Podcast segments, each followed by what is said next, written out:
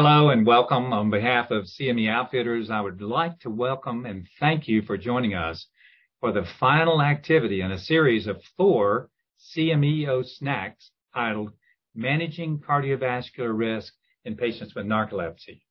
Now, this CMEO snack series is supported by an independent medical education grant from Jazz Pharmaceuticals. I'm Dr. Richard Bogan. I am an associate clinical professor at the University of South Carolina School of Medicine in Columbia, South Carolina, and the Medical University of South Carolina in Charleston, South Carolina. I'm also the principal of Bogan Sleep Consultants, LLC in Columbia, South Carolina. I'm exceptionally pleased to be joined today by my distinguished colleague, Dr. Anne Marie Morse. I'm Anne Marie Morse, and I am an associate professor at Geisinger Commonwealth School of Health Sciences. I'm also the director of child neurology and pediatric sleep medicine at Geisinger, Janet Weis Children's Hospital in Danville, Pennsylvania. Thank you, Anne Marie, for being here today. I'm, I'm excited to hear your discussion. And to frame the discussion today, let me review our learning objective. Our goal is that after this CME snack, you'll be able to initiate or, where appropriate, switch treatment plans for narcolepsy patients and consider the cardiovascular comorbidities, dosing, and titration strategies of medications that might have an effect on the heart. So um, let's begin today by discussing the CV Bond study, Anne-Marie. This study actually was interesting. It is observational. Uh, we have to remember that in describing the cardiovascular dysfunction found in patients with narcolepsy. So if you have joined us in some of our earlier snacks, hopefully you're not getting too full just yet because we have a lot more to dig into. But if you did look at some of our earlier snacks, what you're going to find is a common theme of that we really want to take an approach at looking at the whole person when they're experiencing the symptoms of narcolepsy. And the reason for that is because of the fact that we are having increasing knowledge of understanding beyond the symptoms of narcolepsy, what else may they be at risk for and what other things are they experiencing in their journey over time.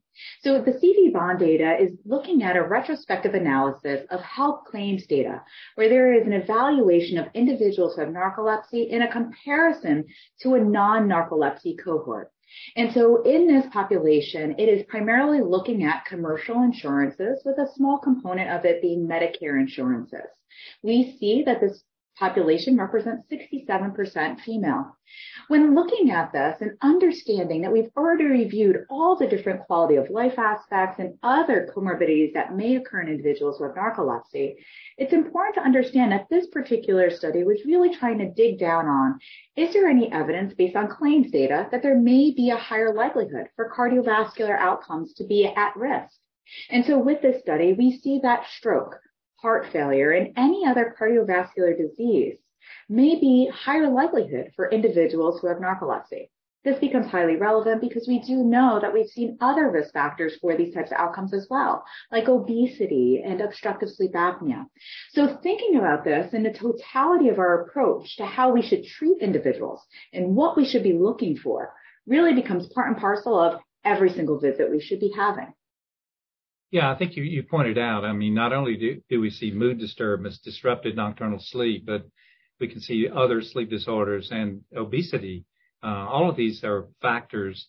And so this is not really cause and effect, but it is important. It's real world. And I think we have to be uh, cognizant that, that these individuals do appear to be at increase in risk for some of this.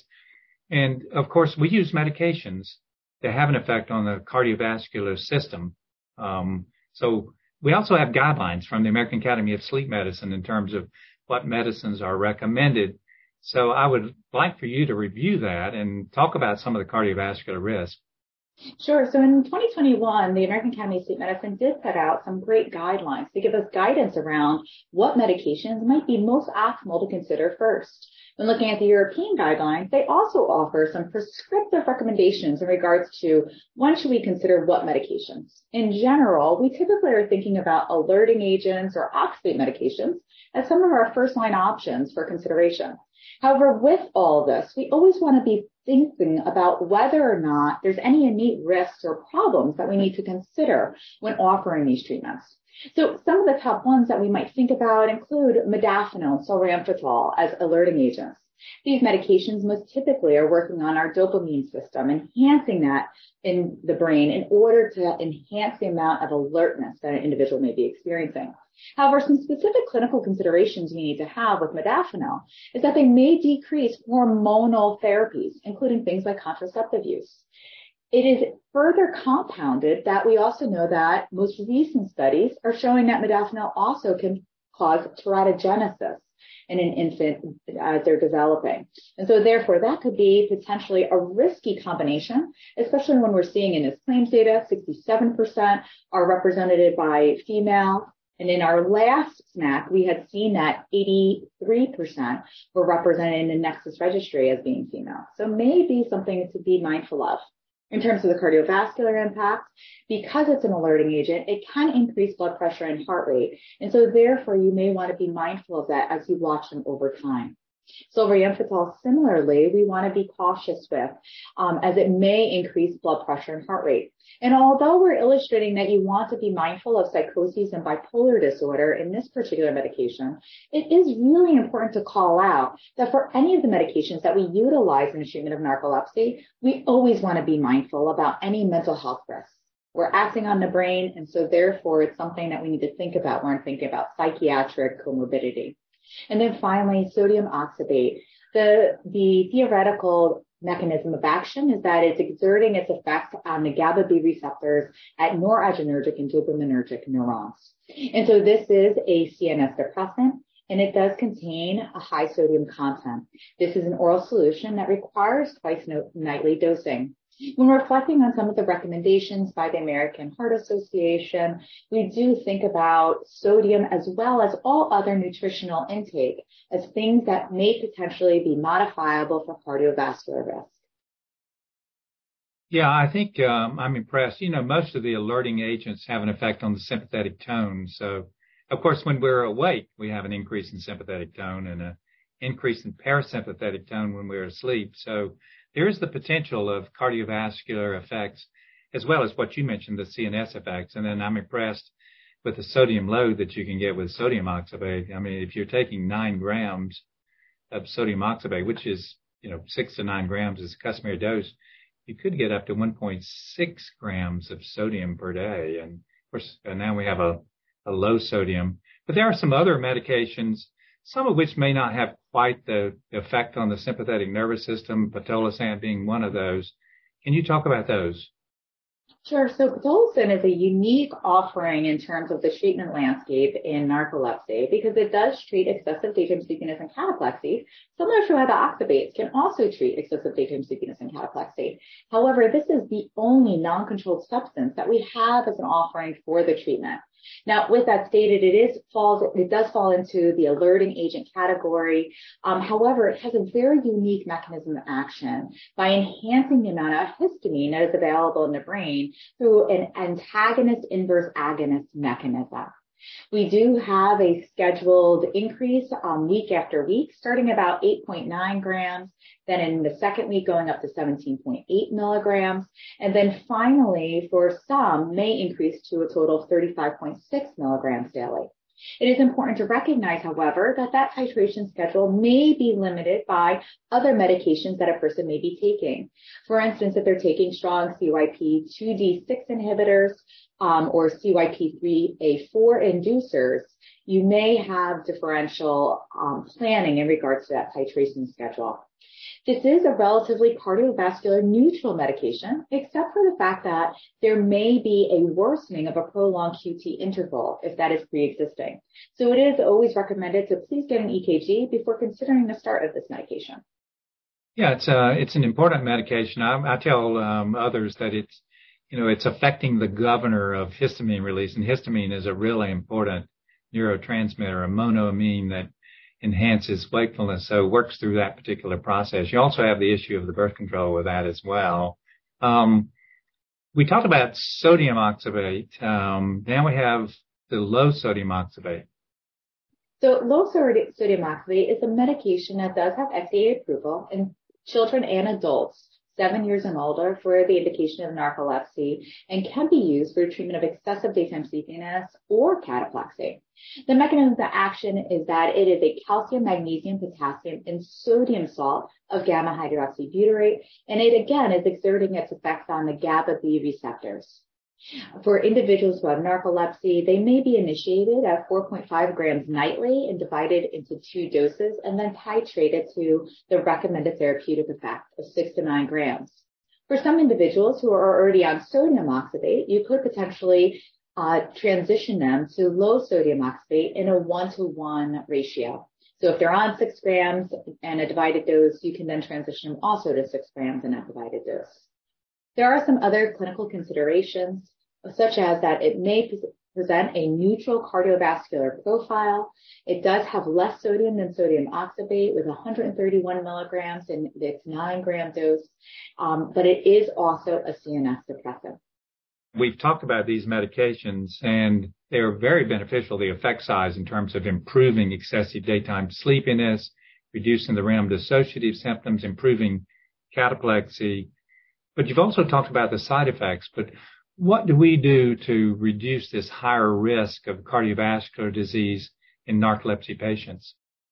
So I think it's really important that when we have any individual who has narcolepsy in front of us, first and foremost, it's always very important to personalize the treatment to the person in front of you. Um, you do want to take into consideration their personal cardiovascular risk factors as well as any pertinent family history. The next thing is to look at what are other modifiable cardiovascular risk factors that may be present. And this can be multifactorial, everything from smoking, physical activity, weight loss, diet, including carbohydrate intake, sodium intake, and any other things that could potentially aggravate that cardiovascular risk profile when we look at the fact that individuals with narcolepsy have a multitude of things that they may be potentially at risk for in terms of medical and psychiatric comorbidity, it only makes sense for us to continue to empower them with other things that may be within their control to modify. And so helping them to optimize their treatments with use of medications and combining it with many behavioral strategies that get them on the move and optimizing what they're putting in their mouth is really a strategy that many patients are going to stack hands off. Yeah, we discussed sodium intake as being a modifiable risk factor. And the thing that impresses me, if you reduce sodium intake by a thousand milligrams, you can see a signal, a cardiovascular signal and a blood pressure signal. And you've already talked about um, low uh, molecule, and it's the same active moiety. Um, but let's look at a recent real-world study regarding patients transitioning from sodium oxybate to the lower sodium oxybate. Sure. So there was a study done by the pharmaceutical company who um, actually creates these medications to better understand what the patient experience looks like and whether or not individuals who are on sodium oxybate transitioning to low sodium oxybate had a high acceptance or satisfaction with that transition.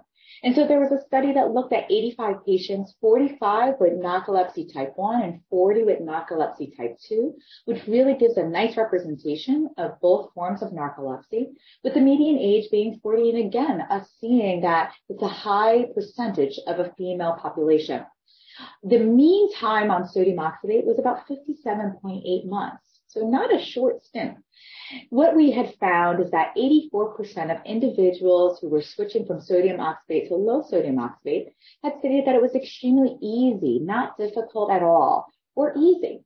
95% stated lower sodium content as the main reason for their switching, and 46% stating that fewer cardiovascular risk components was also a reason for switching. When we look at the um, standard evaluation of what the perceived satisfaction in regards to treatment using the TSQM version 2, we see that overall there was great global satisfaction with the medication change as well as with its effectiveness, side effects, and convenience after the transition. Yeah, Anne Marie, you've talked about a lot of this already, but um, we're going to end the program at this moment. But um, but would you kind of wrap up in terms of managing patients with narcolepsy who have comorbidities such as cardiovascular disease? Sure. So one of the things that you do want to take into consideration is dosing a patient who already has cardiovascular disease risk or actual cardiovascular disease, as well as titrating a patient who has cardiovascular disease risk or cardiovascular disease. This is going to come into play for a variety of medications that we're utilizing. And so being mindful as to whether or not we're further aggravating that risk or that pre-existing disease. If so, making sure we're making that balance we want to look at what is the safety as well as the efficacy. So trying not to cut off our nose to spite our face. And then finally, having some very specific considerations around switching therapies if we are identifying that there is increased risk for the individual who's in front of you. As a reminder, making it very important to personalize the therapy to the individual who you're treating right there in front of you and not just making a blanket statement of all or nothing for everyone. Yeah, I think um, in, in, uh, from what you said, and, and, me as well. I mean, I, I, take a preventive course in terms of managing patients. So, who are you, and what do you have, but also what you might have, and I, I think that affects my therapy. What do you think? 100%. I think that that is permeates across all of medicine is that we're trained to be able to understand who's the person in front of me and what are the things that I have to think about in order to prevent disease. We all take the Hippocratic oath to say we first do no harm. So making sure that we are really having a goal that is aligned with what the patient's goals are and optimizing their overall health and preventing disease when we can.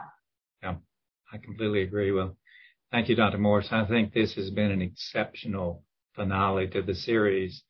And I hope everyone in the audience learned a lot today. Let's summarize with our SMART goals, which are specific, measurable, attainable, relevant, and timely.